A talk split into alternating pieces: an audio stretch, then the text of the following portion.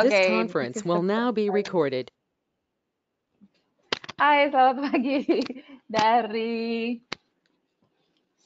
tanggal 9 November 2019 di Universitas Pembangunan Jaya live dari kantor LPMU Lembaga Penjaminan Mutu Universitas. Hari ini saya Gita Widya Laksmi Sri Atmojo akan memberikan kuliah online for the first time ever tentang dilema identitas pada jurnalis lokal saat ikut konflik.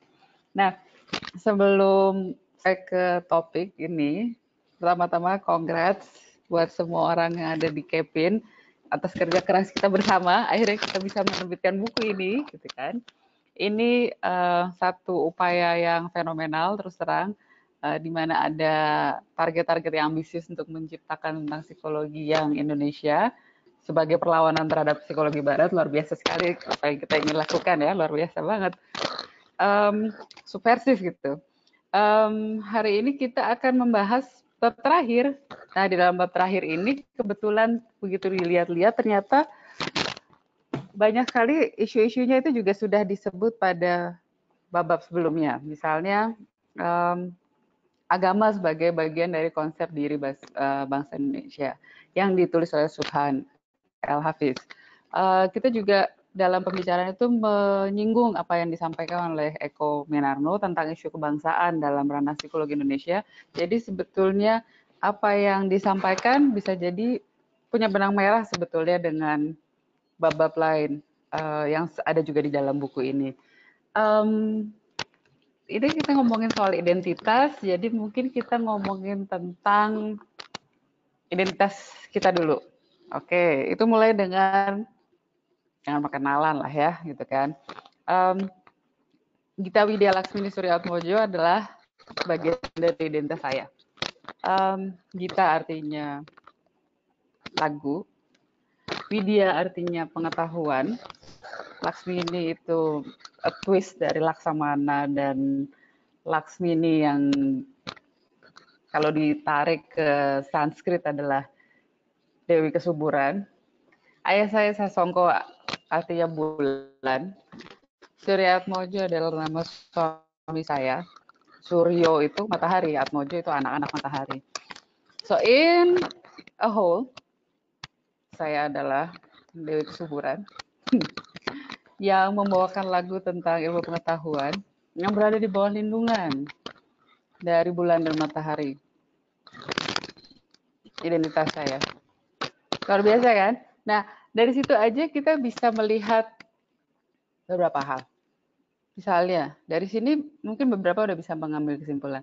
Oh, si Gita Widya Laksmi Mojo ini pasti akar budayanya Jawa. Which is true, gitu kan. Uh, dari itu aja mungkin orang sudah mulai punya asumsi. Oh, mungkin kita ini, gitu kan uh, Jawa kayaknya Jawa Tengah gitu kan karena namanya is true gitu kan dan dari nama aja kita udah punya banyak sekali dugaan-dugaan dugaan-dugaan dugaan tentang seseorang. Nah, ini adalah satu core pemikiran dari tentang si dilema identitas ini kuliah yang mau disampaikan. Ya kalau kita ngomong tentang identitas sebetulnya ada artefak lah ya KTP, ya kan? Di KTP ini ada nama, tempat tanggal lahir, uh, alamat, gitu kan, agama, uh, pekerjaan. Jadi kalau kita ngelihat dari ini aja, ada banyak nggak yang bisa kita apa ya cenayangin di code tentu saja nama, tempat tinggal. Oh, dari tempat tinggal kita bisa menebak lah ya hmm, sosial ekonominya di mana, agama juga. Oke, okay. kita mulai berpikir tentang oh kalau agama tertentu maka dia punya ciri khas tertentu, gitu kan?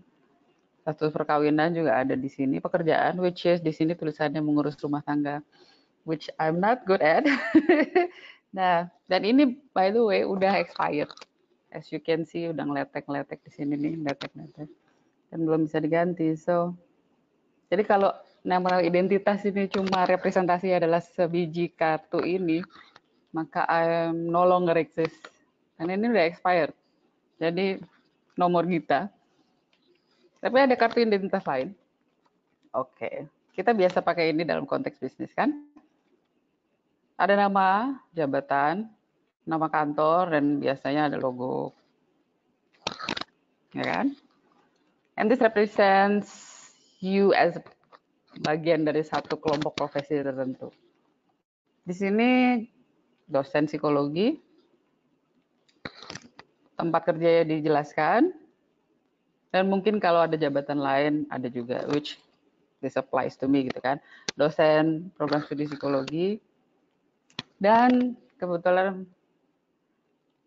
menjadi kepala lembaga penjaminan mutu universitas.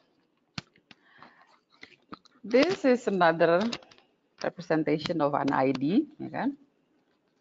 Ini biasa dipakai di kantor untuk memberikan akses, gitu kan? Ini ini yang kita punya kalau di kantor. Itu kalau orang bisa mengakses lantai 4 which is direktorat gitu kan. Dan it represents a different different apa ya? privilege mungkin ya katanya. Akses mungkin atau opportunities atau apa ya? status in a sense. Untuk bisa me dan jadi dalam satu kartu ini aja oke okay, ini orangnya which is ini udah potong rambut jadi ini rambutnya panjang nggak beda banget gitu kan. Ada namanya ada nomor pegawai dan nomor pegawai bisa menyiratkan kapan kita masuk kantor. Jadi sudah berapa tahun kita ada di kantor ini gitu kan uh, dan masuk kita kode apakah karyawan tipe apakah gitu kan jadi satu lembar ini udah bisa membicarakan banyak hal.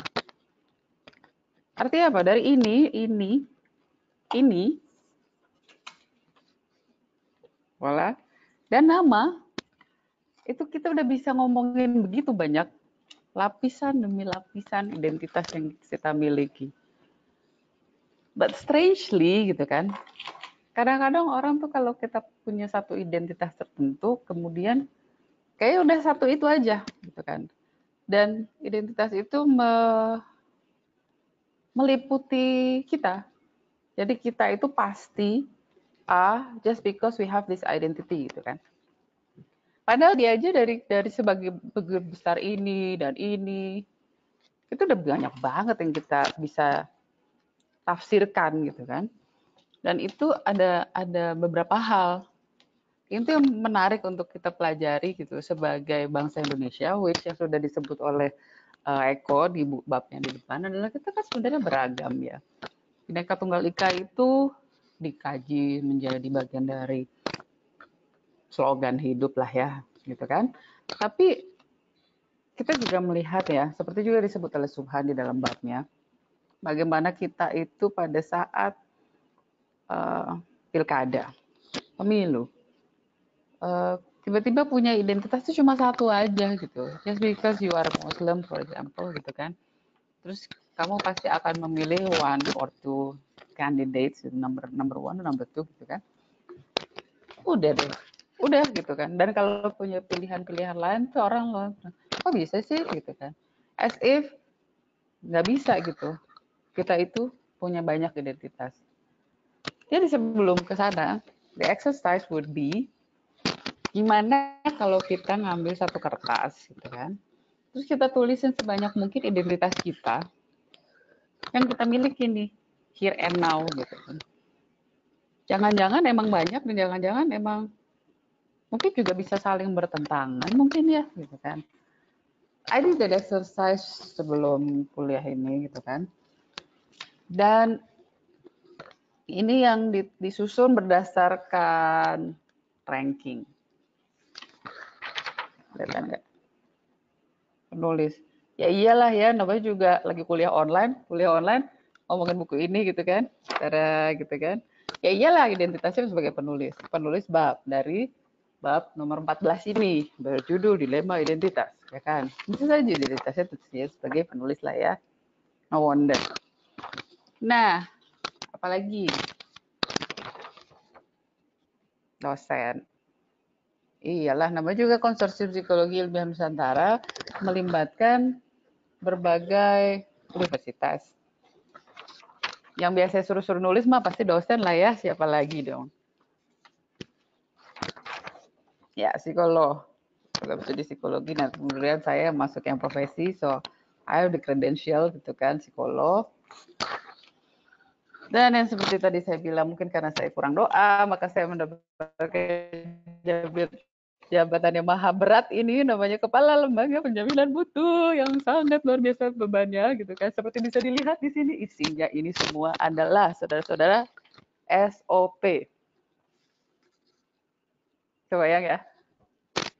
Belum selesai belum selesai. Ini satu ruangan itu lemari-lemari itu isinya SOP semua so I'm I'm at the heart of SOP So can you imagine how my life is gitu kan? Dan pada saat kita sebetulnya sudah mulai lelah dengan pekerjaan-pekerjaan ini semua, kadang-kadang saya merasa saya adalah babu. Which, ya namanya juga ya gitu kan.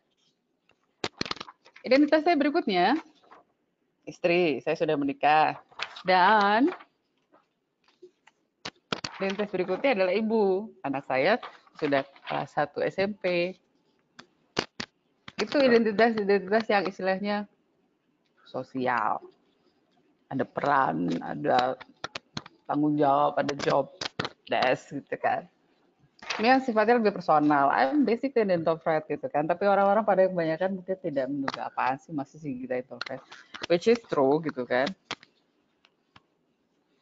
karena lahirnya September maka Virgo. Dan biasa bagi mereka yang meyakini astrologi gitu kan, ya setiap orang kan punya masing-masing ya. Virgo adalah dari dari dari dari dari da punya karakteristik aja dari dari dari sudah basically one label saya Virgo berarti punya satu karakteristik kepribadian tertentu. And karena lahir tahun 76 maka naga api, which if you believe in Chinese horoscope, um, ada karakteristik dominan, kemarahan nggak semua dibakar gitu. Well, nggak nggak salah juga sih. Tadadadada, mungkin ini agak mengejutkan karena saya sebetulnya tadi kan dosen psikolog ibu tapi anak metal, which is iya saya memang senang metal saya pernah menulis tentang buku, buku tentang metal. Jadi um, judulnya Happy Metal Parents. Uh, di dalam buku itu adalah um, saya dan rekan saya sesama peneliti gitu, namanya Yuka. Kita berdua tuh anak metal dan kita berdua sudah menikah. Lalu kita mikir gimana ya kalau anak metal jadi orang tua ya? Apakah mereka akan jadi orang tua yang metal gitu kan? Apakah mereka mendidik anak menjadi anak metal gitu? Yang sebetulnya isu yang kita juga hadapi gitu karena kita juga adalah orang tua punya anak. Kemudian kita melakukan wawancara, bikin semacam foto voice buat kumpulan data, meminta narasumber menulis testimoni, lalu uh, fokus group discussion.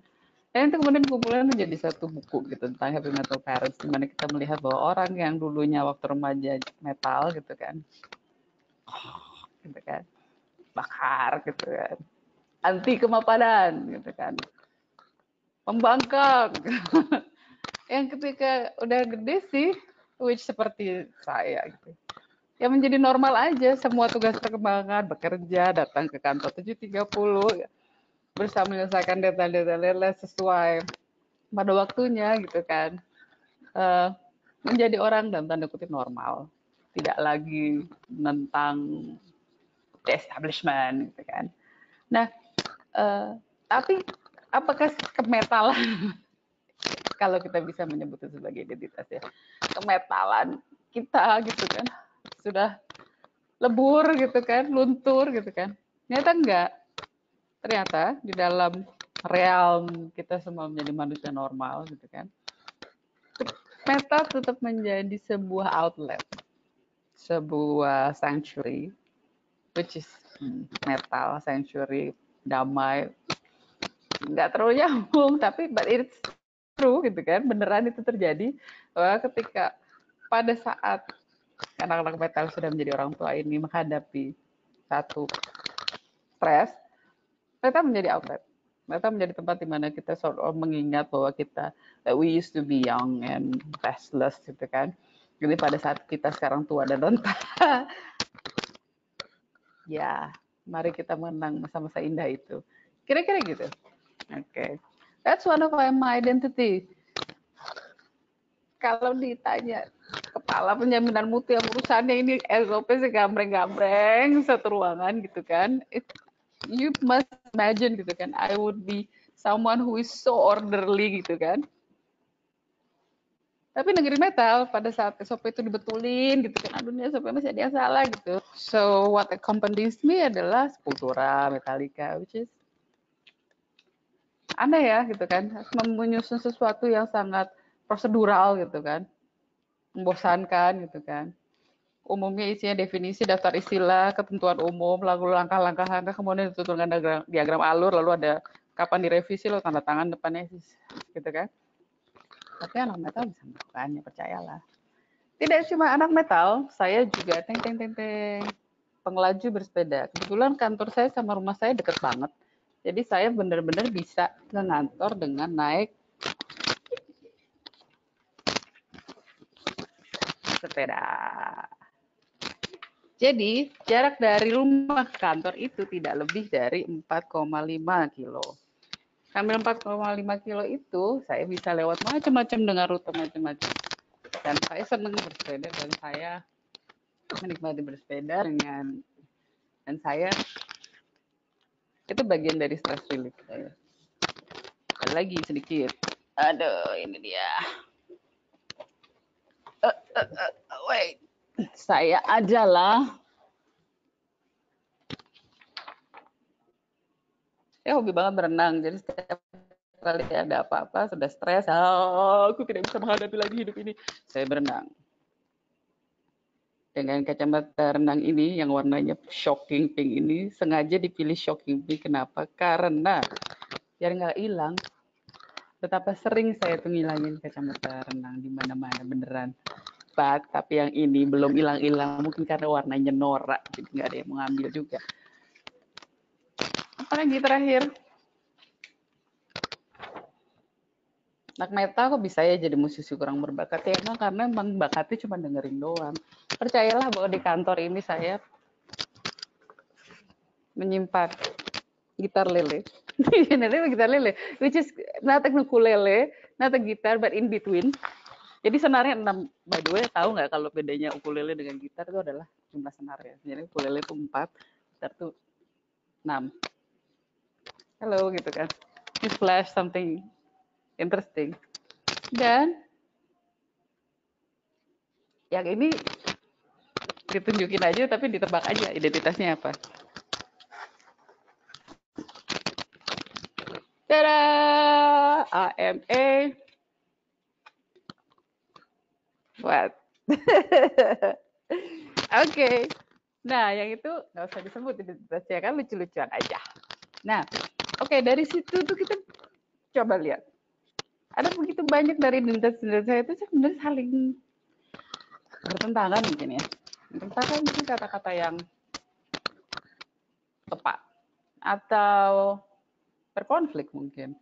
Nah, ini yang dari tadi gambaran-gambaran itu untuk menggambarkan bahwa ini loh yang yang saya coba tulis bahwa orang si Gita ini, gitu kan, dengan identitas macam-macam macam-macam macam-macam, oh ya bisa juga mendamaikan semuanya gitu kan. Konflik nggak sih Gita itu kemudian anak metal yang jadi kepala LPMU gitu ngurusin itu? Ya enggak juga sih gitu kan bisa dua-duanya dijalanin kok tanpa harus dikorbanin. Gimana caranya? Itu kan salah bertentangan. Nah, ini dia kadang-kadang bertentangan tuh kata siapa ya gitu kan. Dari orang yang ngelihat mungkin iya ya, karena apa?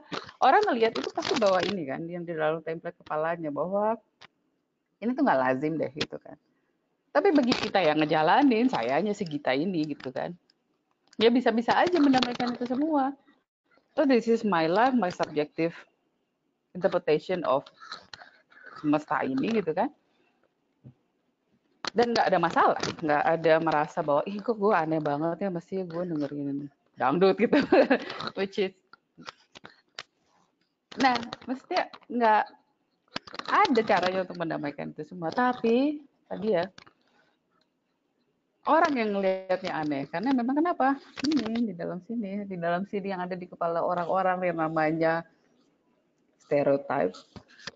Yang kemudian kalau dibawa pakai emosi namanya prasangka dan kemudian diskriminasi. Ya. nah isu-isu itu yang sudah dibahas di dalam uh, bab ini. Panjang amat ya pengantarnya baca sebetulnya kan kita ngomongin hal yang seperti ini. Nah let's look at the Nah, ini dia. Apa sih yang kita mau bicarakan gitu kan? Sebetulnya identitas. Ya kan? Ada gambaran umum ya kan dari apa? Ini ini kontennya gitu kan, gambaran umum dari uh, apa yang kita bicarakan.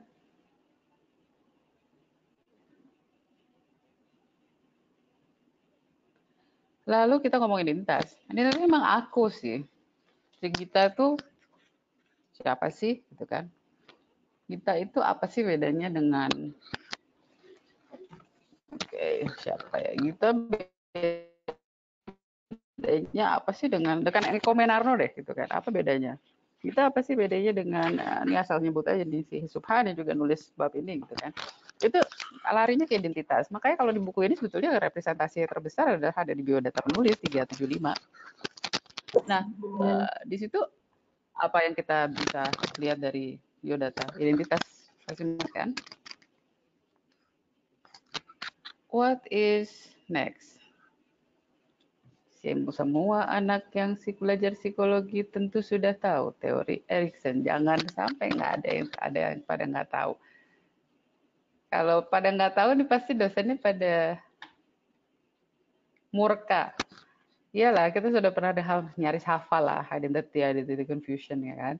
Remaja gitu kan. Kemudian kalau terbentuk identitas, kalau gagal identity confusion ya. Ya. Nah, itu kan teori klasik ya Erikson. Tapi sebetulnya kalau kita gali lagi, apakah kemudian identitas itu berhenti? Enggak sih. Erikson juga nggak pernah bilang berhenti sebenarnya. Itu kan terus sampai kita mati. Sampai kita end up di dalam tanah sana kalau dikubur atau dikremasi atau di apalah gitu ya nanti kita ya kita tuh sampai selalu sampai cari diri kita. Siapa sih kita tuh? Kalau kita siapa sih kita tuh? Apakah kita anak metal? Apakah sih kita itu anak metal? Apakah kita si dosen? Apa sih kita itu ibu? Coba anak metal sama ibu aja udah nggak nyinkron ya kayaknya. Jangan-jangan si kita nih ada titik confusion nih bingung sendiri. Tapi enggak gitu kan. Not necessarily so, itu bagian dari narasi yang dibangun oleh si Gita gitu kan. Tentang diri kita yang membedakan kita dengan ibu lain, istri lain, eh, dosen lain gitu kan. Itu bagian dari puzzle yang dibikin tentang identitas. Alright. Terus apa ya? Lanjutannya adalah kita ngomongin tentang pada saat kita mencari identitas kita itu ngomongin eksplorasi sebenarnya. Nyobain dikit-dikit. Nyobain jadi tadi pakai helm sepeda. Mana ya identitasnya ya? Oh ya. Nyobain pakai gimana ya caranya jadi dosen? Gimana ya gitu kan? we explore options gitu kan. Dan di dalam eksplorasi kita juga kadang-kadang kita bereksperimentasi. Dan kita melakukan eksperimentasi itu di dalam konteks. Nah, ini yang kemudian terjadi. Ini nih yang terjadi. Konteks, eksplorasi, dan segala macam ini termuncul pada saat kita membicarakan tentang identitas terutama pada jurnalis. So, okay, sebelum kita masuk ke soal jurnalistik, saya mesti ngasih disclaimer dulu. Jadi saya itu pekerjaan pertama saya tidak pada ranah psikologi, tetapi menjadi jurnalis justru memang. Jadi tahun 99 saya lulus psikologi UI. Kemudian yang pekerjaan pertama yang saya lakukan adalah menjadi uh, kalau ini terkait dengan eksplorasi dan eksperimentasi ini tepat banget menjadi wartawan di sebuah majalah berita mingguan Tempo namanya kan. Nah, saya dikerja di situ di Tempo tahun 2000. Uh, agak bingung ya gitu ya, karena juga psikologi kok ke wartawan. but I do love the job I like uh, writing gitu kan dan menikmati tempat pekerjaan yang tidak terlalu formal gitu kan. Dan memang kayak ketika habis lulus kan suka ketemu ya teman-teman kerja di mana? Kerja Tempo. Uniformly gitu loh semua orang pada bilang ini emang lo banget gitu kan. Emang emang kita banget. kan tampaknya mereka itu memang mengkonfirm apa yang mereka pahami tentang saya gitu kan. Jadi mereka nggak terlalu heran ketika saya jadi jurnalis. Nah ketik perlu dipahami bahwa jurnalis itu profesi yang agak-agak non mainstream artinya gini katakanlah ya ada bom lah di sana ya satu tempat. Orang-orang pada kabur kan. Apa yang dilakukan jurnalis? Datang datang wawancara. So profesi apakah itu? Coba bayangin gitu kan um, kalau kerja ada berhentinya enggak kerja itu 24 jam 24 jam itu diomongin pertama kali pada saat orang HRD-nya Tempo itu ngomong sama kita semua. Nah, um, pekerjaan itu akhirnya bukan cuma jadi peran. Katakanlah gini, katakanlah gini, mari kita jadi buat perbandingan gini.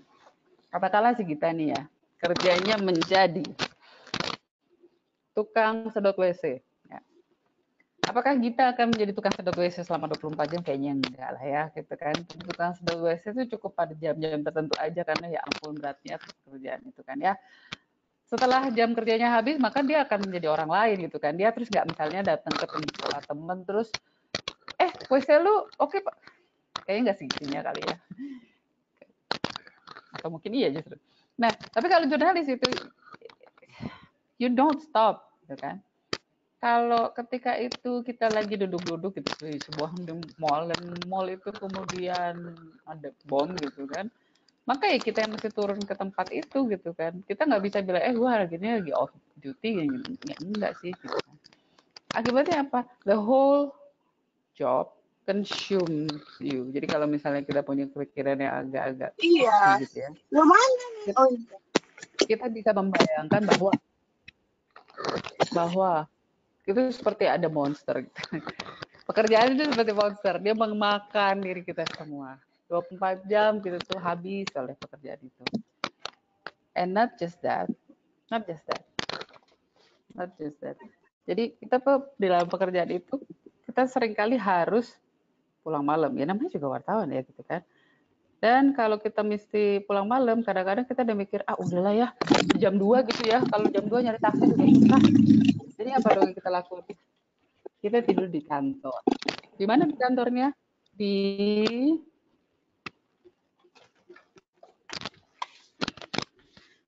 kolong meja. Jadi, semua wartawan itu umumnya mempunyai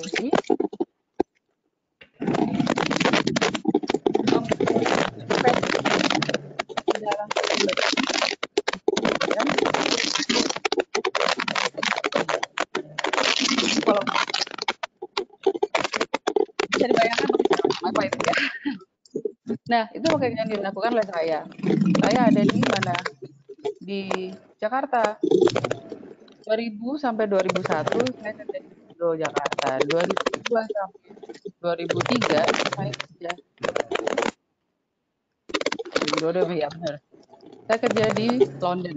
Karena saya mendapatkan sebagai katakan ya Pak untuk uh, Chevening Award di University of London.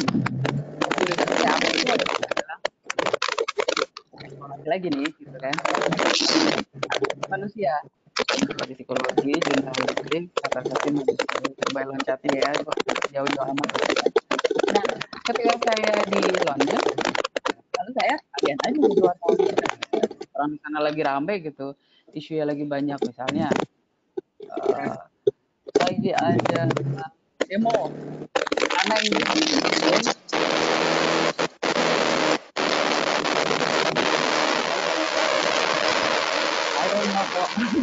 nggak tahu itu dari mana. Uh, balik lagi di London sambil kuliah sambil kerja kenapa karena uh,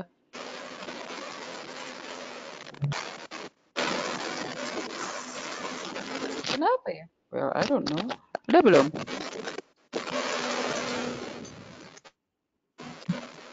Waktu testing nggak apa-apa. Udah belum? Ini apa mesti di... Udah sih. Perlu diginiin kali ya?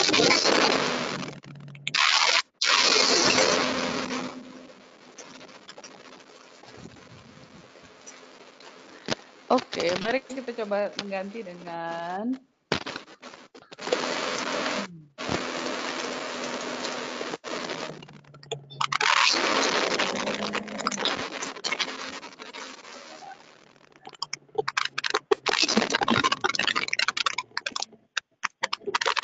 apa ya? Kita ganti.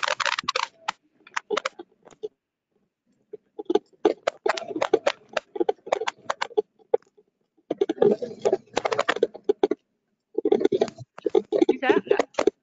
Kalau ini,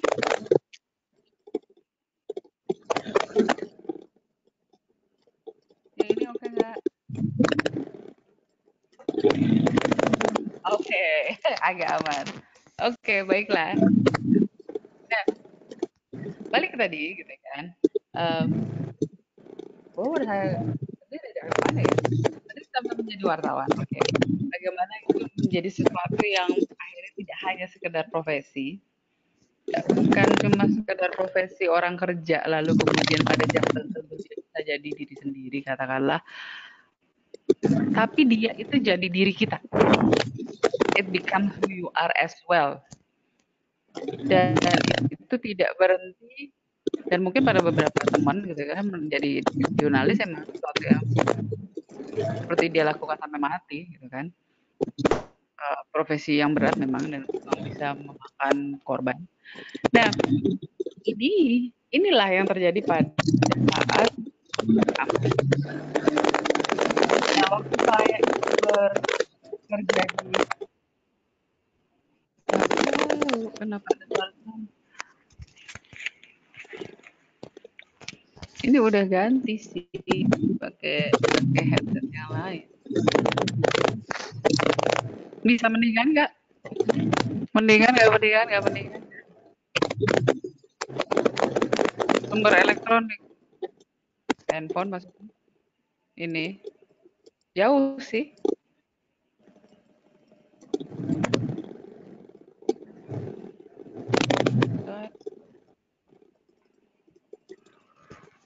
so anyway.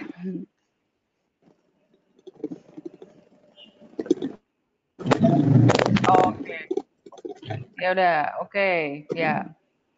Anyway nah sekarang mari kita bicara tentang apa yang terjadi pada di Ambon. Ini adalah satu hal yang agak sedih gitu ya di dalam konteks sejarah kita di Indonesia. Adalah ketika pada 1999 sampai 2002 maka ini kalau bagi mereka yang kemudian pegang buku gitu kan mungkin bisa dibaca juga gitu kan. Dan mungkin juga nggak cuma dibaca sih mengenang juga bisa gitu. Karena ini memang satu bagian dari ya, halaman hitam lah ya kalau dari sejarah Indonesia. Em, di di Ambon itu sebetulnya beda agama beda suku nggak. Isu bukan isu banget tapi eh, karena satu satu keluarga itu bisa aja misalnya agamanya beda-beda Islam dan Protestan yang ada banyak di situ.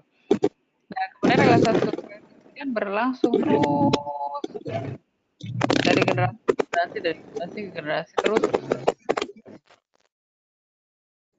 Nah kemudian ini ada satu sistem sosial yang merupakan bagian dari kearifan lokal namanya pela gandong pela gandong itu intinya gini, semua orang tuh saudara, sekalipun dia datang dari etnis yang berbeda, sekalipun dia datang dari agama yang berbeda, dia itu saudara kita, kan? Nah, nah kok bisa gitu ya? Udah kayak gitu masih aja berkonflik. Nah, ini memang sebuah lagi panjang gitu dari 1999 kalau dilacak gitu ya bertepatan memang waktu itu Fitri habis puasa kemudian ada insiden. Di mana kebetulan salah satu orang pihak satu yang Protestan. Kemudian bertengkarlah di antara mereka, kemudian sentimen agama, sentimen kelompok pendatang. Itu berubah. Nah, ketika itu waktu itu presidennya Abdurrahman Wahid, ingat waktu itu eh, mencanangkan darurat sipil. Karena memang konfliknya gede banget. Jadi bakar di mana-mana, korban jiwa di mana-mana. Nah, kemudian banyak upaya untuk merangkul kembali. Lalu pada tahun 2001 lalu ada upaya polisi, pemerintah juga turun tangan mengirimkan Nah, specifically yang saya mau bahas itu bukan the general youth of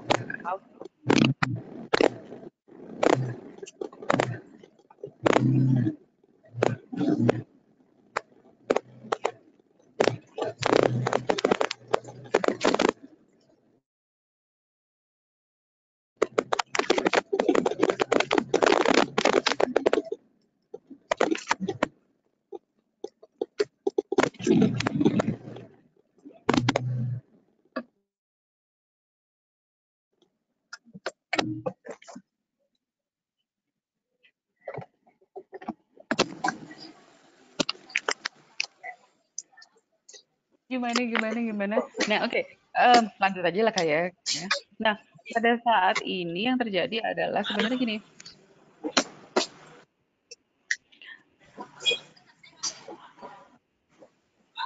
Eh, yang terjadi ah, halo. Oke, aku lanjut ya. Gitu. Yang terjadi adalah ketika hmm, aku akan ngambil konteks di media lokal. Media lokal itu yang di Ambon itu umurnya panjang loh. Dia udah ada dari tahun 1917 pada saat itu Belanda masih yang ada di situ. Namanya Ambon Furwit. Oke. Nah, eh, kemudian itu tumbuh gitu ya, eh, iklim jurnalisme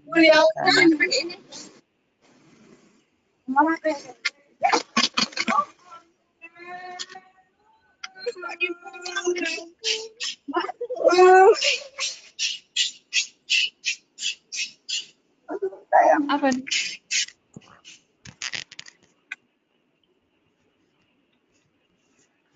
Oke.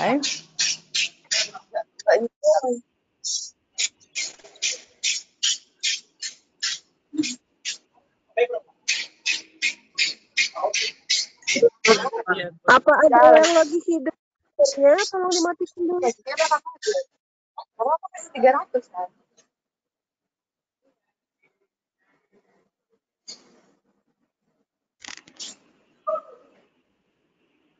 Apa coba tes?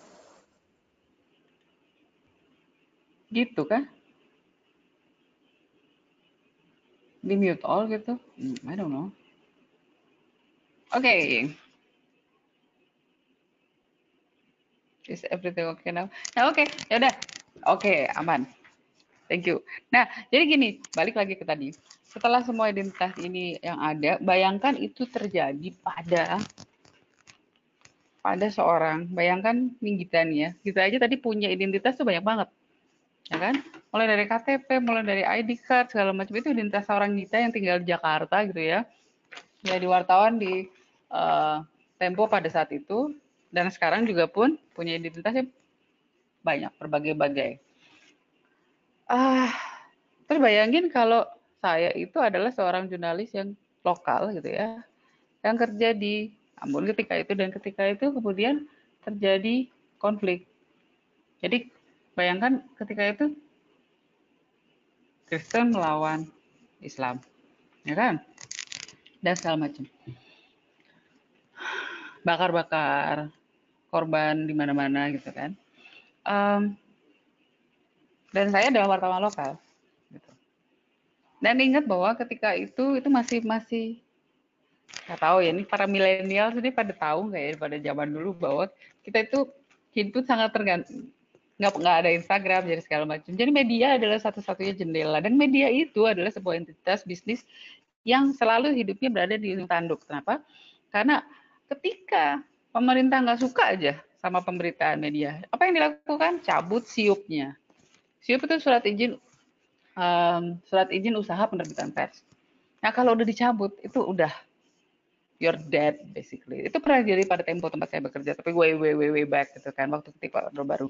Nah em, dan susah-susah gampangnya adalah kan pemerintah itu ya tidak itu orde baru ya nggak tahu nih para milenial ini bisa memahami atau tidak ya gitu ya uh, berada di dalam situasi orde baru nah uh, kadang-kadang kita kan nggak bisa nebak juga ya apa yang kemudian dianggap boleh apa enggak oke media mesti bisa memberikan kritik gitu ya tetapi ketika dia mengkritik sampai di mana itu pemerintah masih oke, okay. sampai di mana pemerintah terus nggak oke okay, gitu kan. Nah terus gimana? Nah, emang nggak ada auto, nggak ada rambu-rambu yang jelas dan itu menyebabkan tadi saya istilahnya media itu selalu kayak berjalan di ujung tanduk. Contohnya,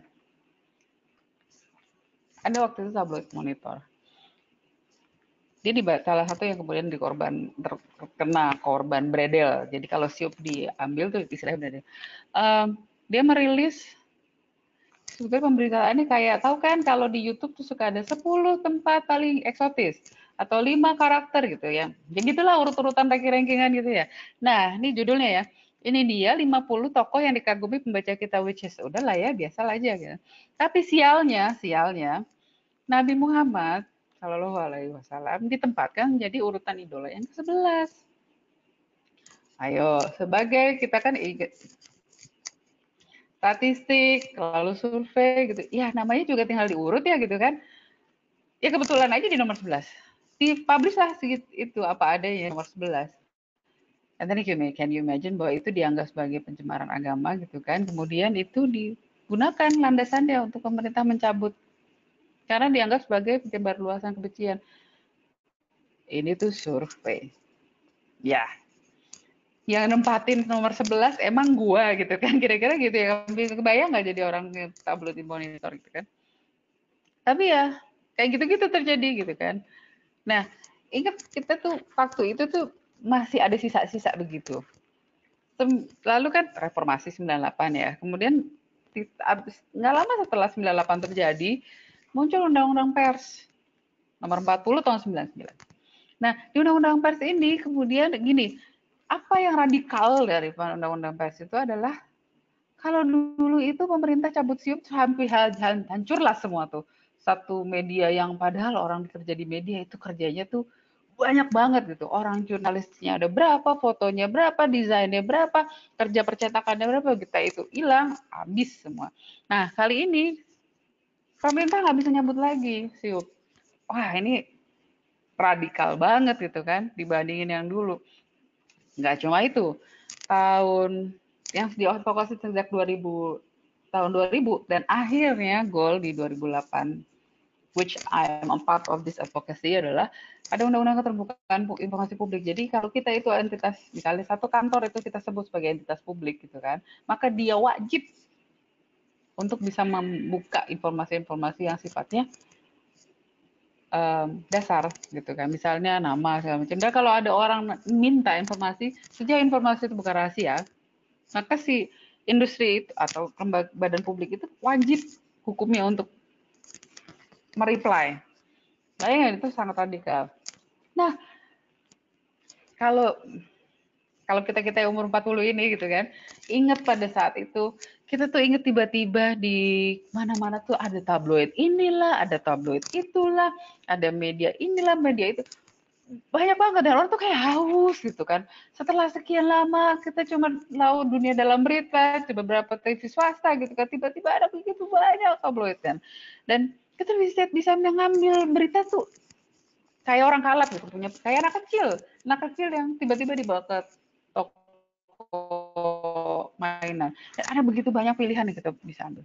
Termasuk juga eksesnya adalah uh, tabloid-tabloid yang gitulah, cewek-cewek baju-bajunya segini, itu juga ada juga gitu kan. Dan itu di Jakarta, yang pusatnya bisnis. Di lokal gimana? Di lokal juga gitu. Nah, ini persoalannya. Wartawan di Jakarta itu pasti punya pengetahuan dan kapasitas yang lebih dalam artian mungkin lulusan dari universitas yang pernah jurnalistik mungkin ya. Jadi tahu kode etik jurnalistik itu gimana, tahu berita yang nggak termasuk dari head apa headline artikelan gitu, pasal-pasal penyebaran kebencian gitu kan. Ketika kita mendiskusikan tentang konflik gitu kan, apa yang harusnya dihindari, apa yang enggak, hal-hal penyebutan dengan ekspresi yang caci maki gitu itu gimana cara itu jurnalis kalau misalnya kerja di Jakarta pasti punya kapasitas yang lebih matang soal itu.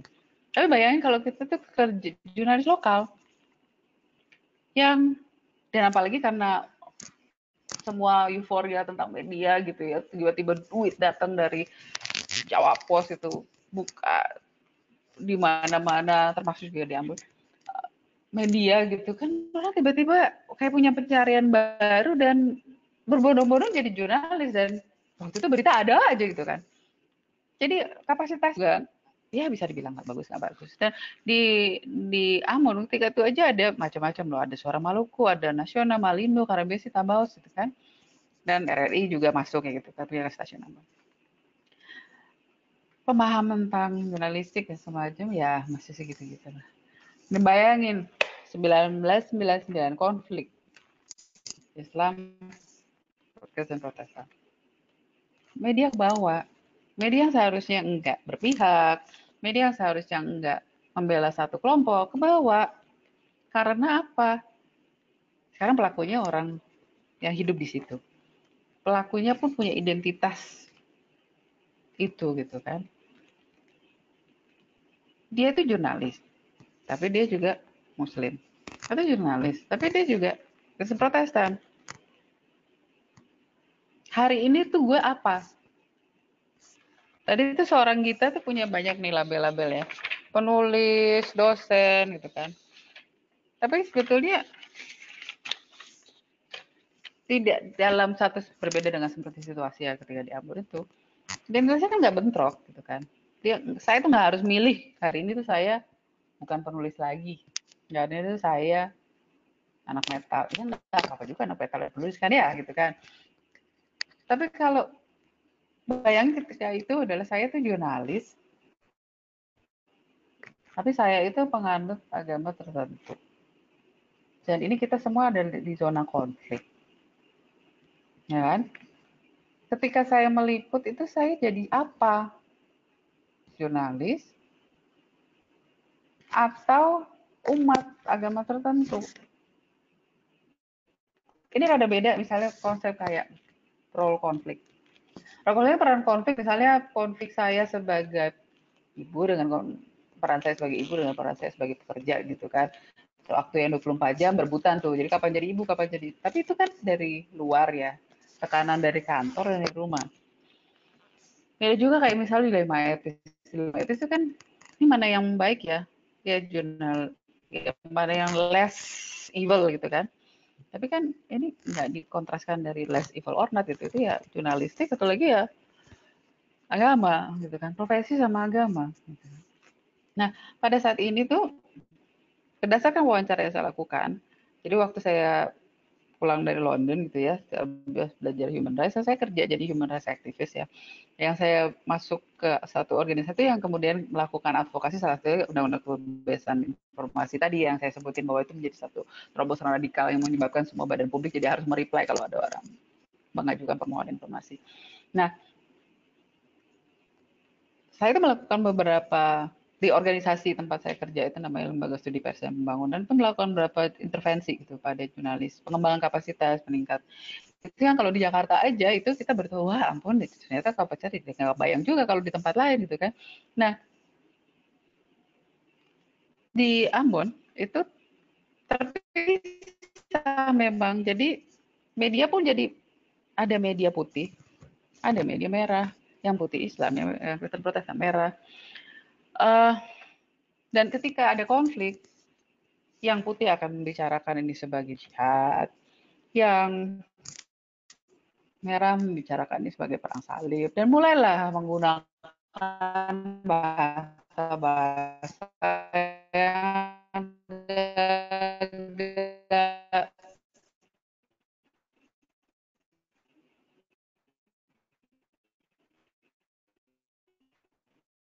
Jadi makin makin konflik itu makin keras. Makin kayak dikit itu hal yang itu satu laluku. yang Islam ada yang Kristen Protestan. Oke. Sempat pas konflik dia berhenti beroperasi, lalu kemudian dia beroperasi lagi gitu ya.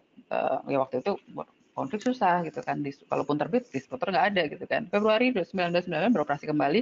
Kemudian apa yang dilakukan adalah kita menyebarin berita. Wah, kebayang dong ya lokasi konflik. Mau ke sana ada pagarnya, portalnya. Mau ke sana udah kelompok orang lain gitu. Udah terkotak-kotak gitu. Terkotak-kotak ada polisi atau tugas keamanan. Mau ke tempat kerja aja nggak tentu bisa gitu kan ya. Mau ngelop, meliput ke kelompok lain yang beda kelompoknya juga belum tentu bisa gitu. Nah, Oke, ini ide awalnya sih cukup menarik gitu kan. Oke, ya udah kan kita Islam sama Protestan. Ya Islam yang Islam. Yang Kristen kelompok yang Kristen kan jadi bisa ngambil suara dari tiap-tiap kelompoknya gitu kan ya. Uh, dan berarti kan kalau dikumpulin kan jadi balance juga ya gitu. Ide yang baik gitu kan, tetapi namanya juga lagi konflik ya gitu kan. Uh, kalau lagi konflik kan apa sih yang terjadi? Ah, bentar lagi lagi ngambil colokan. Akses ke kantor juga susah, ya kan? Terus ngapain gimana caranya? Pakai faksimili. Ya ketika itu ya, zaman itu pakai faksimili. Kita mungkin nggak nggak tahu lagi tuh faksimili. Nah, faksimili itu dikirim kayak misalnya si orang satu ini nggak bisa datang ke kantor. Dia sudah meliput kelompok yang sama dengan kelompoknya dia gitu kan. Terus apa yang dia lakukan? Uh, ya udah deh, gue nggak bisa kantor ya, gitu ya. Gue kirim lewat fax ya, oke gitu kan kalau ada yang pernah ngirim fax, maka kita pasti tahu namanya kertas fax itu kadang-kadang burem, ya kan? Nggak kelihatan apa yang ditulis, apa yang itu nggak kelihatan, gitu kan? Bisa dimuat nggak? Ya boro-boro dimuat, bisa baca aja enggak, gitu kan? Nah, jadi udah capek-capek di report gitu kan dengan perjuangan penuh keringat dan air mata dikirim lewat fax nggak nggak kebaca terus yang berhasil masuk kantor dia jadi merasa ini gue wartawan apa tukang ketik sih gitu kan ini gue dapat fax lalu gue diketikin apaan sih nih gitu kan akhirnya kayak gitu-gitu tuh malah bikin yang tadinya oke okay, gitu ya kita bisa berbagi tugas segala macam nggak bisa karena misalnya gini dia ngirim report terus nggak ke karena terus nggak kelihatan lah problem teknis itu si kertas faxnya gitu tintanya habis kayak gitu segala macam nggak bisa keketik terus dia merasa eh tunggu dulu ini media gue udah bias juga nih kan gue kok jadi gini sih? Jadi dia ikut merasa ah ini media gue ngaco nih. Karena dia nggak kan gue kelompok gue nih gitu kan. Kok lu nggak beritain? Jadi ke bawah dia nggak lagi jadi jurnalis dia tuh jadi umat agama itu. Dan ketika ada kondisi itu tuh dia jadi merasa ini tuh pasti.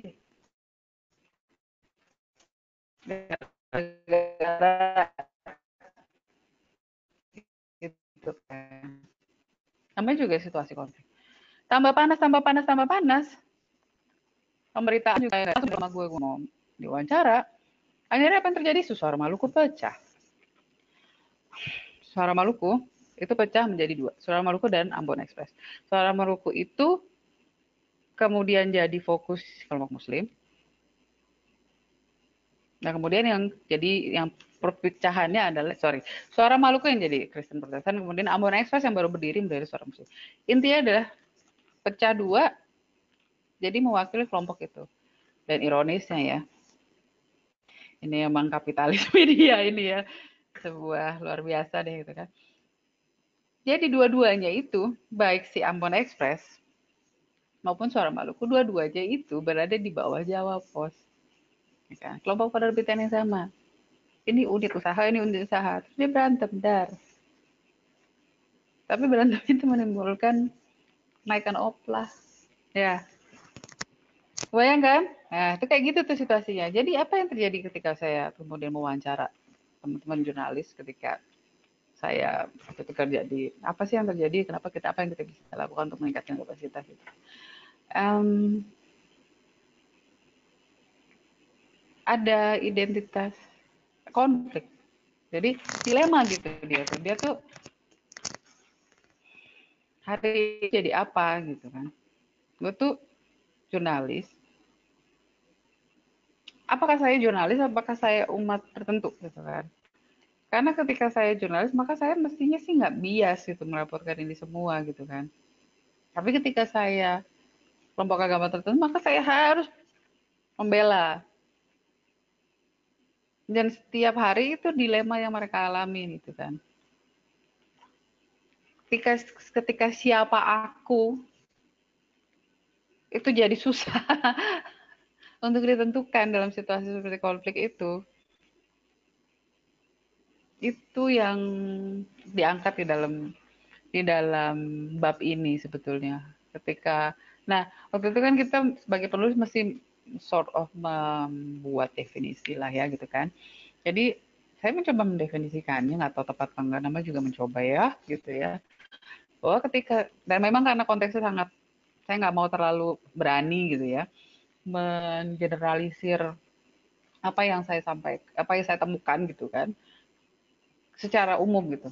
Jadi saya berusaha membuka definisinya juga ya udah emang ketemunya di dalam konteks itu ya dia disiplin pada konteks itu. Jadi ketika jurnalis itu berhadapan dengan dua alternatif identitas jadi dirinya nih berkonflik gue tuh siapa nih? Sekarang pers gitu atau umat gitu kan jadi yang konflik di dalam gitu bukan di luar gitu. Kayak kayak peran konflik tadi kan peran apa tuntutan dari luar yang berkonflik gitu kan. Bukan dari luar gitu tapi dari dalam gitu kan. Um, dan ketika itu menyebabkan dia nggak bisa berfungsi. Nggak bisa berfungsi benar jadi mau jadi jurnalis jadi nggak benar jadi umat jadi nggak benar gitu kan. Nah apakah ini sebetulnya nggak terjadi di jurnalis lokal ya dalam situasi konflik bisa jadi seperti kita baca di dalam buku ini kan ya identitas kita kan kompleks ya gitu kan identitas kita kompleks banyak sekali gitu kan terus mungkin pada satu titik gitu kan kita jadi bimbang tentang siapa kita dan harus kita harus gimana gitu kan. Itu pilihan harus gimana itu kan adalah preskripsi atau kewajiban dari siapa kita gitu kan. Um, bisa. Dan memang itu kan kemudian yang kita bisa lihat pada saat pilkada kemarin kan. Ketika keluarga juga pada berantem. Padahal coba aja lihat sekarang pada nyesel kali ya, pada berantem-berantem gitu kan. Nah, baik lagi kan, identitas kita melakukan eksplorasi. Mungkin teman-teman jurnalis itu ya jadi wartawan kan juga pasti menempuh semua eksplorasi. Cocok nggak dengan jadi profesi ini? Sementara kalau identitas satunya yaitu sebagai umat, ya mungkin nggak pakai cocok-cocokan, ya istilahnya it's who you are gitu kan. Maybe gitu kan. Tapi secara secara klasik ya emang orang beragama kan tidak tidak eksperimentasi gitu biasanya tidak selalu eksplorasi apa yang given dari dia lahir kadang-kadang gitu ya gitu. Nah kemudian ketika konteksnya kemudian berubah kayak tadinya aman damai pela gandung berjalan tiba-tiba kok kita sekarang berantem gitu kan konteksnya berubah. Dan ketika itu kita jadi bingung gitu tuh siapa? Ketika itu yang terjadi adalah identitas profesional dan personalnya berbentrokan. Makanya saya tuh seneng sama sama ilustrasi ini.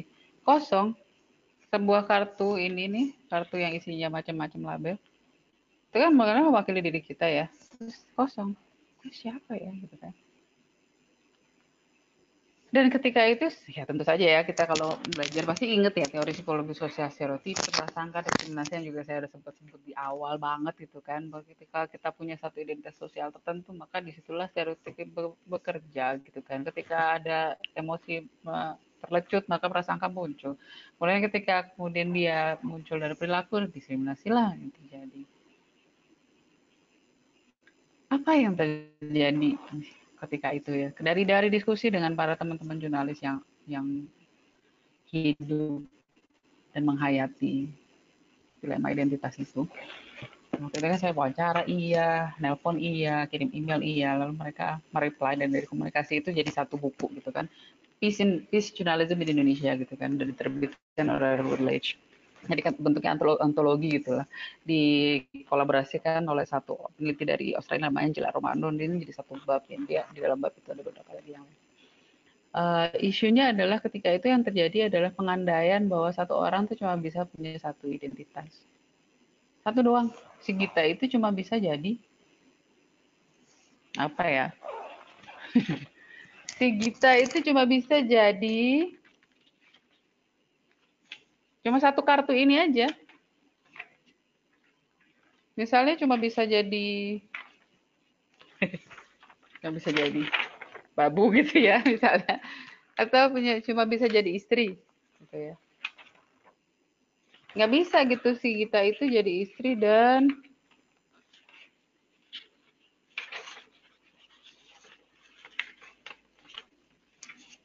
penulis. Nggak bisa nggak bisa gitu ada identitas gandeng gini. Itu yang terjadi pada di dalam konteks yang dihayati oleh teman-teman jurnalis di sana. Padahal kan ya harusnya bisa lah ya gitu loh.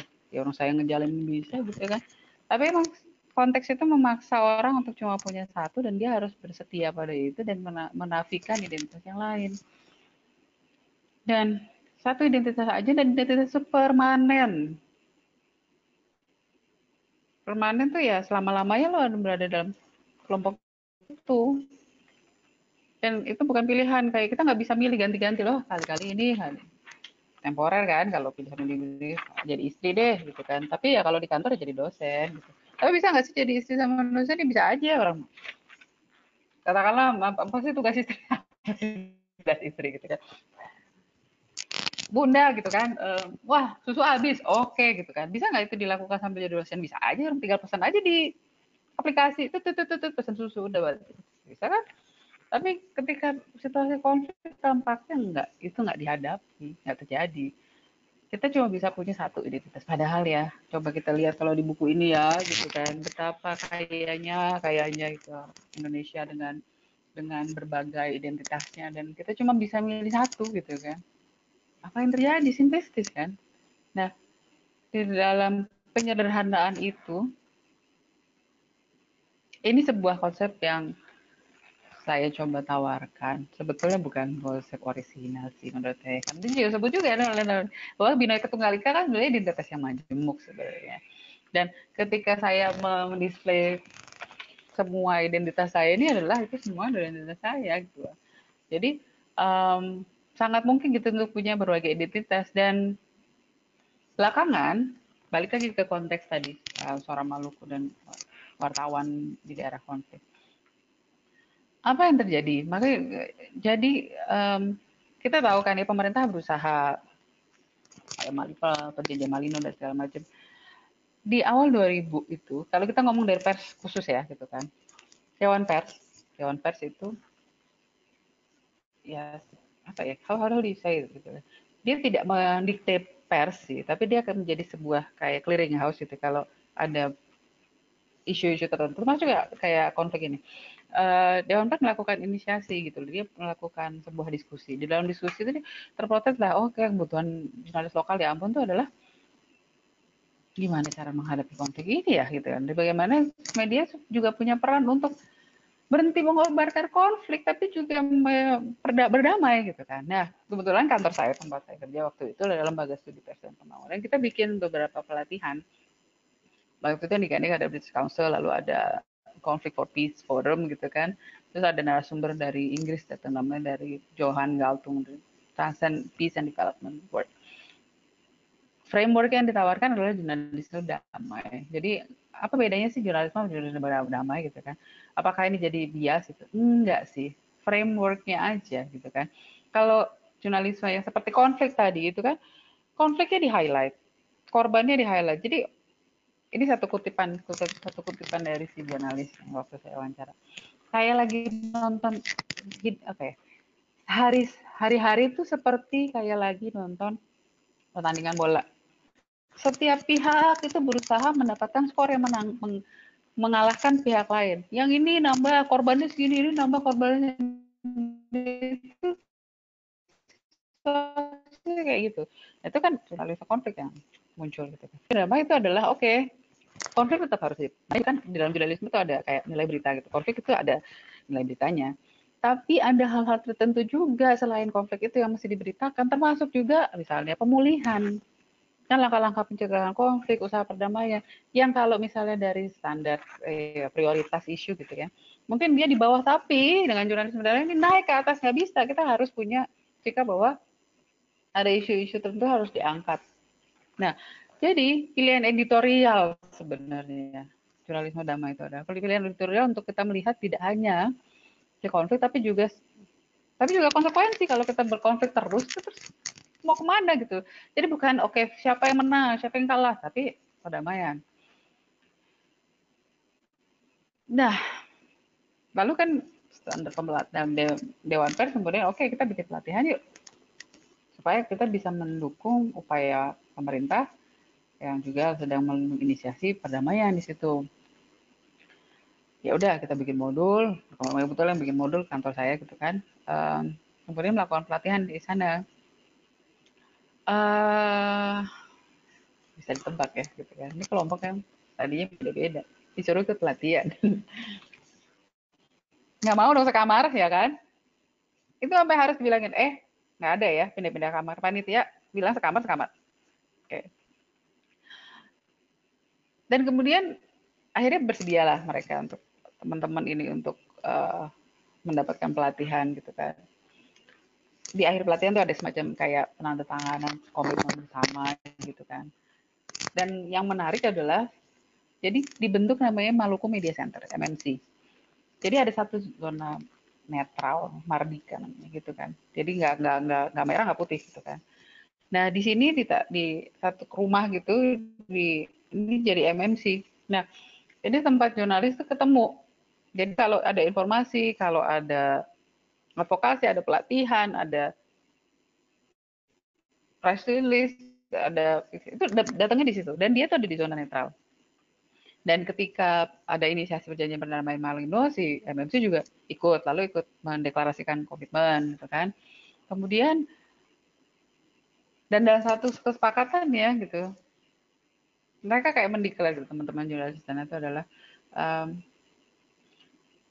kita pengen berhenti berkonflik gitu kan, capek berkonflik yang bener deh gitu kan.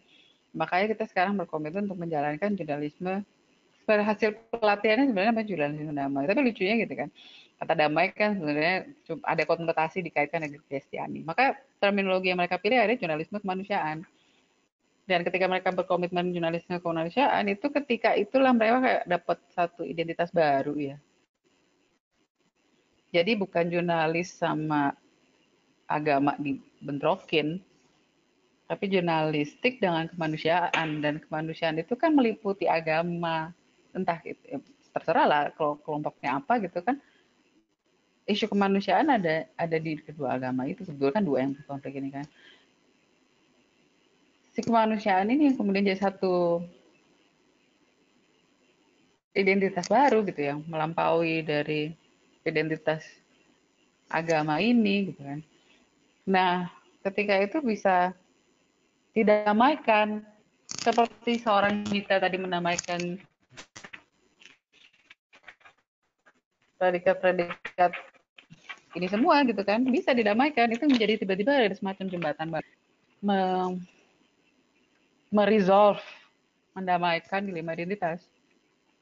Dan ketika siapalah siapakah saya adalah saya adalah pelaku jurnalis kemanusiaan. Nah ketika itu kebetulan cerita cerita tentang media ini akhirnya baik gitu kan happy ending. Jadi ada satu lembaga namanya Institut Institut Arus Studi Arus Informasi ISAI melakukan kajian post Malino post MMC segala macam dibandingin sama ketika masih konflik gimana sih kualitas pemberitaannya emang yang di, yang yang noticeable itu adalah penggunaan terminologi untuk membicarakan kelompok lain. Ketika konflik, terminologi yang digunakan itu ya itu tadi terminologi terminologi yang membakar gitu kan. Nah setelah pelatihan, setelah komitmen bersama, setelah pendampingan, setelah pemerintah juga mulai dengan serius dengan Malino dan macam-macam, memang tone it tones down the words choice, the choice of words-nya itu berubah gitu kan karena memang kalau sejujurnya kalau dibaca, kalau diingat-ingat ketika itu pemberitaan ini memang mengerikan sih kata-kata yang digunakan, kata-kata kasar, kata-kata uh, emo, yang, yang membawa emosi banget. Nah kemudian itu didiskusikan dengan kata-kata yang lebih netral. Tidak, tidak, tidak berat, bukan berarti di tidak diberitakan, tetap diberitakan. Tetapi pilihan katanya menjadi lebih bijak karena mulai menyadari bahwa pilihan kata yang salah itu bisa membuat konflik ini nggak berhenti-berhenti gitu kan. eh, di bawah payung namanya jurnalisme kemanusiaan itu pilihan-pilihan kata itu menjadi lebih bijak, lebih tidak provokatif, eh, menekankan pada upaya perdamaian, mulai bisa membuat dua kelompok berkolaborasi. Dan ketika waktu itu ini kan saya membuat bab ini tentang peace journalism in, in Indonesia itu wait, what was that? Itu 2003. Eh bukan, no no no no. Um, wait. Uh, tahun berapa itu ya? 2015 itu kan. Ya, 2015. 2010 ya, 2010 waktu itu Pak. Uh, bukunya publish. Uh, waktu itu sudah menangkap kondisi saat itu gitu kan.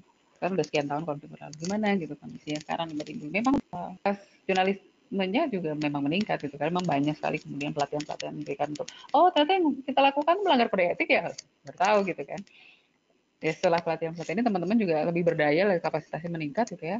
Dan pakai pas 2010 itu pada saat bab ini disusun itu pertanyaan-pertanyaan pada mereka. Mereka memang merasa bahwa oh ya kalau sekarang itu konflik itu udah udah menurun gitu kan. Uh, relasi antar kelompok juga lebih bagus gitu kan. Dan memang memang media itu main memainkan peran besar banget. Jadi ketika media itu lebih ini langsung ademnya itu cepat gitu kira-kira gitu lah. Um, isu ini untungnya, untungnya dalam konteks kita sekarang itu akhirnya baik gitu kan. Tapi ya kita bisa lihat gitu, kan, apa yang terjadi dengan pilkada dan segala macam yang mungkin membuat satu keluarga yang tadi bisa arisan gitu ya, mungkin jadi nggak bisa gitu kan. Atau udah sekarang mungkin jadi bisa lagi ya gitu kan kan apalagi sih ya mau diperdebatkan apa cebong kampret nomor satu gitu ya. Tapi but anyway gitu kan. Anyway gitu kan um, Indonesia itu dengan semua kompleksitasnya itu syukurlah ya si Ambon tuh berakhir baik gitu kan. Tapi gimana kalau enggak gitu? Gimana coba kalau enggak? Gimana kalau kemudian orang Indonesia dengan dengan dengan identitasnya dia gitu tiba-tiba berada dalam satu konteks cuma dia gagal gitu gagal untuk bisa mendamaikan konteks-konteks yang identitas-identitas yang berbeda itu. Dan satu tawaran yang itu adalah ya sebetulnya ini bukan jadi utama juga seperti tadi awalnya. Bukan satu konsep orisinal tapi ingin dikuatkan kembali aja gitu kan melalui penerbitan sebuku ini gitu kan. Ketika um, seseorang dalam hal ini konteksnya jurnalis lokal di uh, menghadapi satu situasi dia dilema gitu kan. Dia masih milih siapalah saya gitu kan. Kenapa enggak lepas dari pengandaian identitas yang tunggal kemudian membangun identitas yang sifatnya naratif gitu loh. Jadi itu identitas itu memang belum selesai itu cerita yang kita masih terus bangun gitu kan. Sering dengan tahap tahapnya bertambahnya usia gitu kita akan terus mencari siapa kita gitu. Ya termasuk kemampuan-kemampuan kita untuk mendamaikan hal-hal yang tadi berbeda dan me melihat itu sebagai sesuatu yang saling melengkapi gitu kan. Ini kita yang anak metal dan dosen itu menyebabkan kita berbeda. Dia punya ciri khas tersendiri dengan dosen lain yang bukan anak metal gitu kan. Kepala LPMU ini yang datang ke kantor pakai jaket kulit itu akan punya tawaran yang berbeda gitu mungkin gitu kan. Ketika dia menyusun SOP gitu. Lucu, lucu juga ya gitu kan.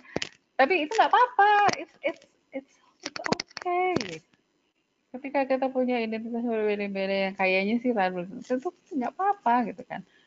Ketika kita melaku, mengakui itu kan kita mengakui apa yang disebut di dalam buku ini gitu sebagai dan di negara ini ini tunggal ika. Menikah tunggal ika itu suka digambarkan ya kalau di poster-poster inget ya orang yang pakai baju adat beda-beda tapi satu gitu kan. Sebenarnya ya di dalam satu orang tuh yang kecil-kecil itu. Itu aja di dalamnya aja udah bineka tunggal ika di dalam dirinya sendiri gitu kan.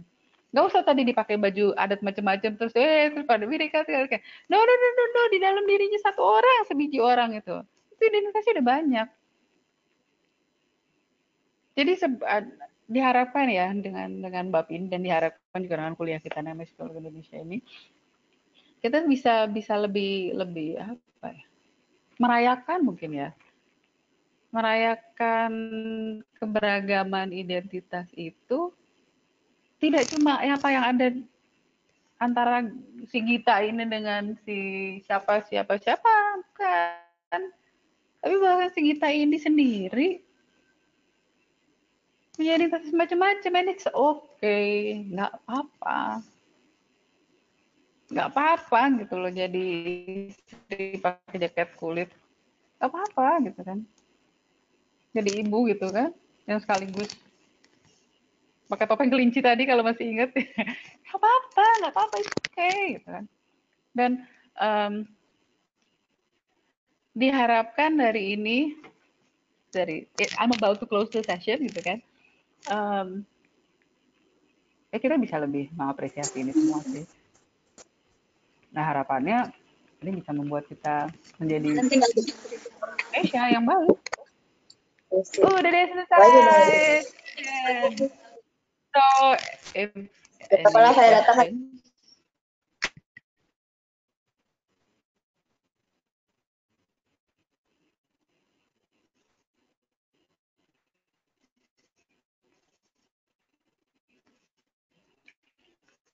Aduh.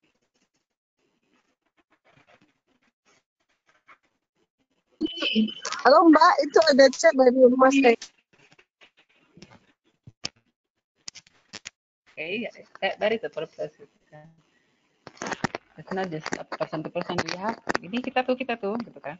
Ini nggak usah gini deh, nggak usah jauh-jauh. Si Gita nih, si Gita nih. Orang Indonesia namanya Jawa. Ngomong ya tadi, campur-campur kan, pakai bahasa Inggris kan. Udah kayak Cinta Laura nggak sih? Apa sih gitu kan.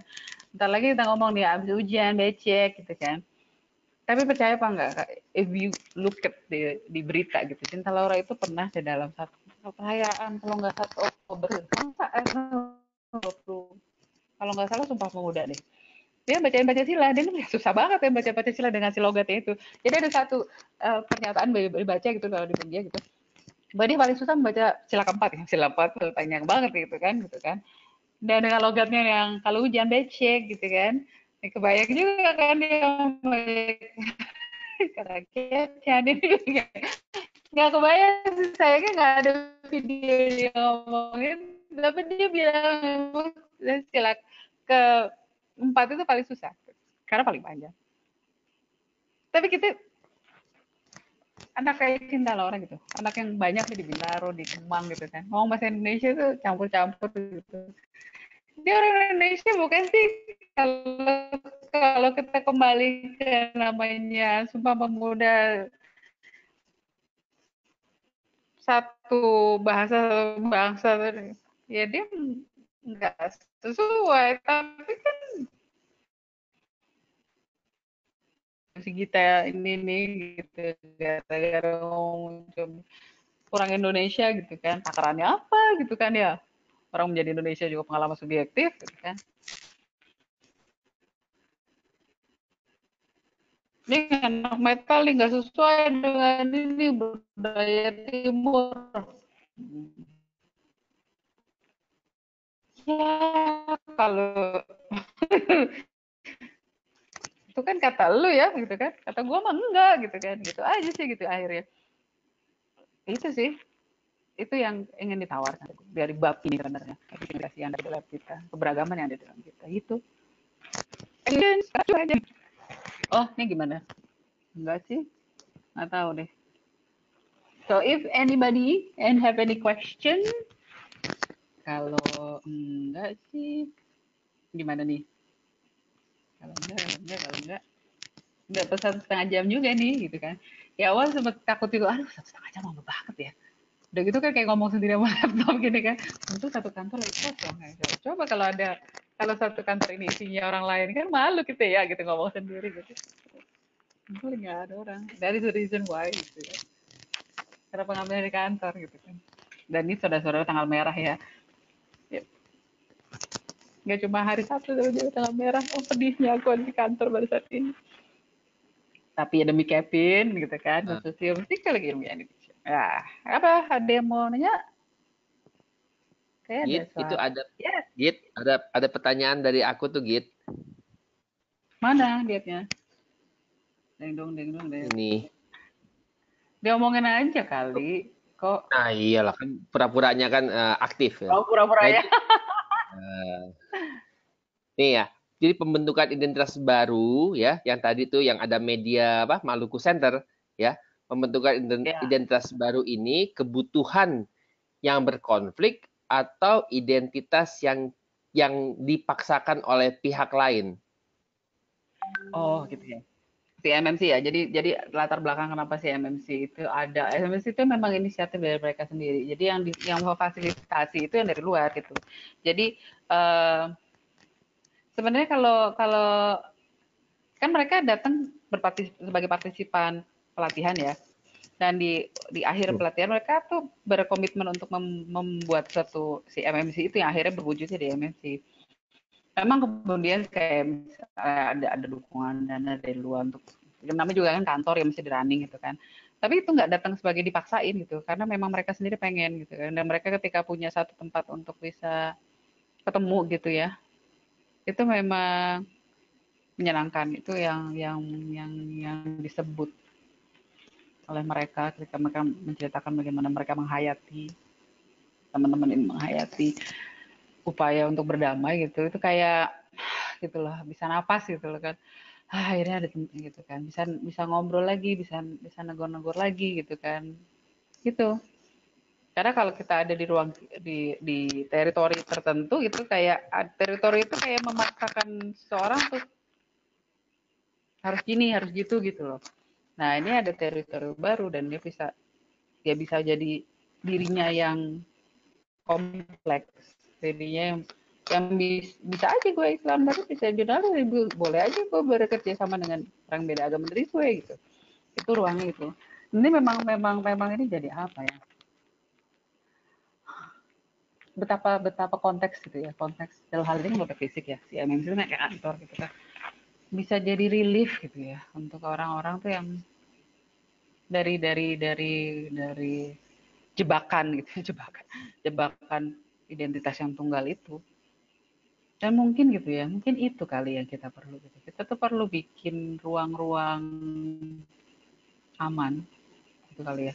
Seperti si MMC dengan manusia gitu. Ketika orang tuh bisa bisa punya identitas banyak gitu kan. Dan dia nggak harus punya identitas cuma satu gitu kan. Di mana di ruang itu tuh kita merayakan seseorang dengan semua kompleksitas dan beragam identitasnya jadi ini ngomong-ngomong ini nih ngomong-ngomong filosofis gitu kan. Seandainya lo inget waktu kita masih sama-sama kuliah kok gitu kan. Malam-malam kita di kosan ngomongin Betul. beginian. Ya gitulah gitu. Jadi eh, Gita, kalau Hmm. begitu identitas kita sebetulnya tidak merusak identitas orang lain jika kita punya ruang jumpa yang Ya. eh, yang yang yang luas. Iya, heeh. Sebut buku ini tuh ruang jumpa nih. Nih, ini tuh ruang jumpa. Kalau nggak ada buku ini tuh sebenarnya kita nggak nggak bisa kali tahu macam-macam tuh. Oh, serat tama gitu, gitu kan.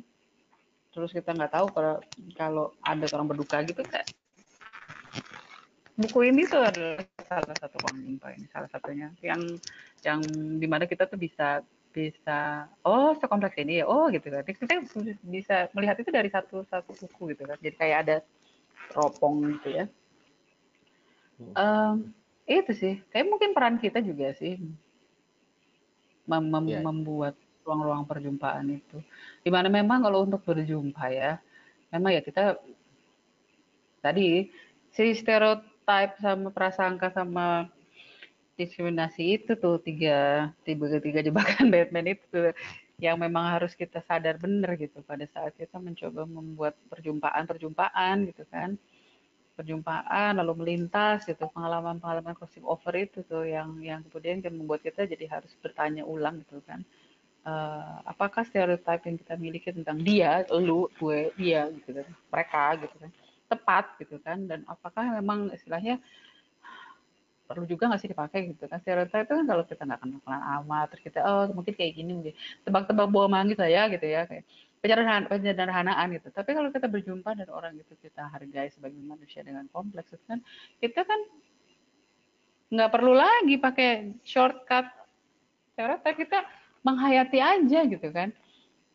Menghayati kemanusiaan itu sendiri aja sih gitu kan. Ya, mungkin itu yang susah kali ya. Ya mungkin kalau udah dalam situasi konflik kan memang berbeda ya. Tapi paling nggak paling nggak gitu ya di dalam situasi kayak gitu nih sekarang hari-hari gini gitu kan. Not necessary ada konflik ber, berdarah gitu kan. Ya kita masih bisa menciptakan ruang-ruang gitu. Tapi seberapa kalau nggak salah ada ya kan kalau um, riset ya betapa kita tuh belum tentu loh punya teman beda agama dari kita gitu loh. Ya kan? Hmm. belum tentu punya teman beda. Dari etnis mungkin masih ada tapi kita tuh hidup kotak-kotak ternyata bayangin Indonesia begini kaya kok bisa ya gitu hidup kotak-kotak ya harusnya berduit mas jangan di warga Indonesia gitu deh Any other question? Ada pertanyaan lain kah?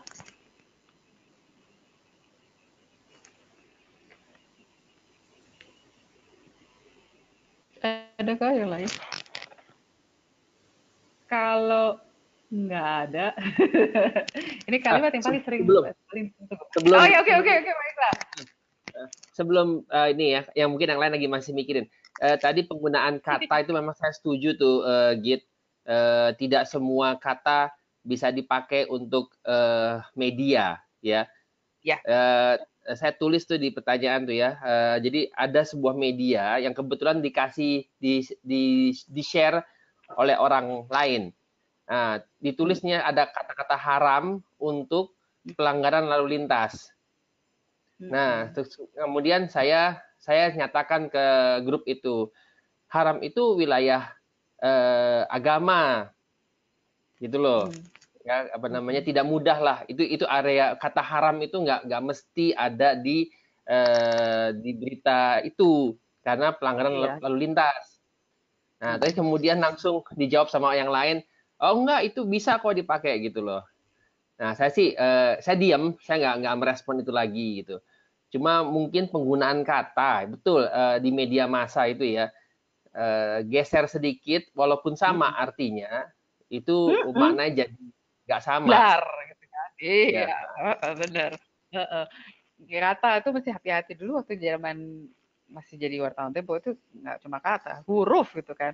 Karena satu ada satu tuh, ini, ini sebuah kayak legenda yang disebut-sebut itu. Jadi ada satu berita di lokal gitu. Salah nulis Maulid Nabi hari ini kan Maulid Nabi ya? Malut nabi jadi malut babi. Coba itu bener. Begitu itu terbit begitu salah satu N sama B. Coba N sama B kalau dilihat di, di keyboard emang deket N sama B itu ya ampun gue yakin. Jadi itu wah heboh habis itu. Nah itu makanya uh, boro-boro cuma kata hurufnya aja sebenarnya harus. Pro problemnya nih sekarang ya jurnalisme online gitu. Orang tuh juga sama kayak sama seperti situasi dengan jurnalis lokal ketika itu. Dan sekarang jadi bahkan yang di Jakarta pun yang ceritanya mestinya lebih privilege lebih wah ketika jurnalisme online orang bikin-bikin berita di mana-mana. Emang kari gimana ya? Saya itu setuju pada kebebasan pers itu. Tapi ya itu dampaknya itu suka nggak kepikiran. Dan memang si jurnalisnya juga nggak punya cukup kapasitas itu ya. Misalnya pelatihan kode etik segala macam itu dan apalagi media online kan dikejar cepat ya. Kerja cepat kerja cepat kerja cepat udah gitu begitu berita clickbait kan untuk uh, di di judulnya sengaja dibuat ke provokatif biar diklik gitu. Udah gitu netizen julid lah mulai lah ah ya, ya lah ampun gitu komentar macam-macam. Itu tuh kebebasan berekspresi. Dan itu menjadi sebuah arena yang penuh jebakan memang. Kayak penuh ranjau gitu kan um, penting buat demokrasi tapi memang bahkan istilahnya gini hak asasi manusia pun sebenarnya mengakui bahwa pada hak-hak tertentu bisa dilakukan pembatasan. Termasuk juga salah satunya hak kebebasan berekspresi nggak bisa gitu. Saya tuh ngomong-ngomong sama orang etis lain eh lu terus kata binatang gitu nggak bisa nggak bisa gitu. Karena itu dampaknya besar gitu. Um, tapi kalau misalnya kalau hak manusia kan ada ada hak yang non derogable gitu kan tidak bisa di tidak bisa ditawar gitu. Itu hak hidup gitu kan. Semua orang punya hak hidup itu nggak bisa ditawar. Eh, tapi kalau hak untuk kebebasan berekspresi itu memang bisa dibatasi. Nah, pembatasannya itu tuh memang kalau di negara-negara maju kayak misalnya di Eropa gitu ya. Di ada kan eh, mahkamah di Eropa tentang hak asasi manusia itu ada beberapa kasus tentang pelanggaran-pelanggaran hak apa kebebasan berekspresi. Itu dokumentasinya banyak dan dari dokumentasi itu kemudian si apa hakim yang satu me- mendasarkan jurisprudensi ada gitu. Sesuatu yang nggak terjadi kalau di Indonesia itu dia problemnya gitu. Jadi memang kita tuh kita punya PR besar lah ya gitu ya, intinya gitu ya. Kita harus kerjakan bersama sebagai warga negara yang baik gitu kan. Tadi yang jurnalis kayak begitu sistem peradilan seperti itu ada undang-undang TE ya kayak gitu deh memang. But anyway gitu kan lepas dari semua itu sendiri. The essence itu aja harus menyadari bahwa kita sendiri di dalam kita sendiri ya. Jadi identitas yang berbeda dan itu nggak apa-apa. Menjadi nggak apa-apa itu juga pada beberapa orang tuh nggak bisa nggak nyampe loh nggak bisa tuh nggak bisa kalau gue agama tertentu terus teman agama lain gitu. Itu beberapa kelompok masyarakat di antara kita kan begitu kayak bayangin. Kita punya PR besar banget. Gitu deh. Oke. bagaimana bagaimana? Apakah ada lagi yang mau tanya? Yuk, silakan yang lain. udah. Sip. bagaimana aku caranya ini mama ya silakan jika ada yang mau bertanya. Ada lagi nggak? Jika tidak ada aku boleh nggak me- me- me- memberikan penutup? Atau ada moderator yang masih menutup? Deh gimana nih? Ya Kita rebo ketemu lagi, Git. aku menunggu aja dulu ya. Sambil minum.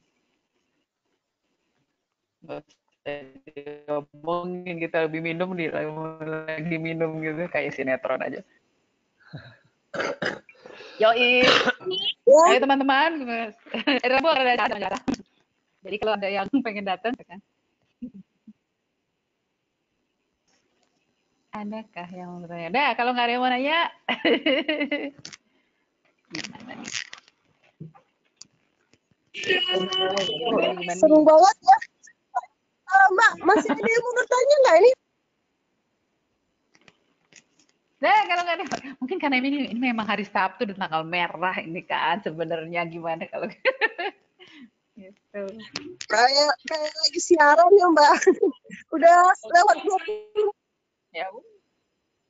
Ya udah. Mau ditutup? Ya udah, silakan ditutup atau oke ditutup. Aja, gitu kan. Siapa yang mau tutup?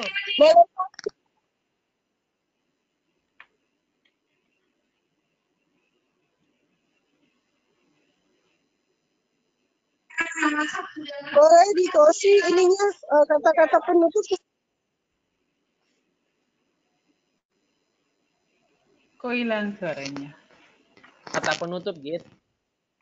Oh ya udah, oke.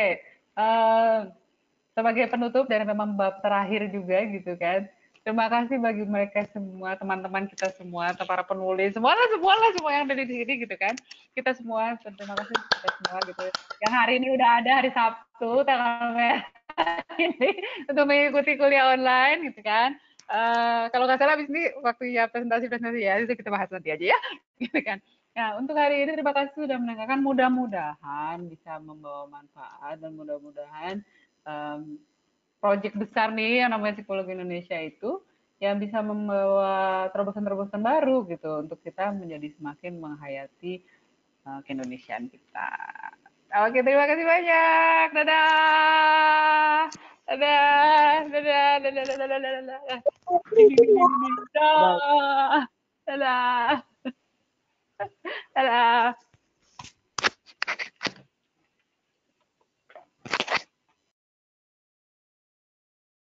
Thank you.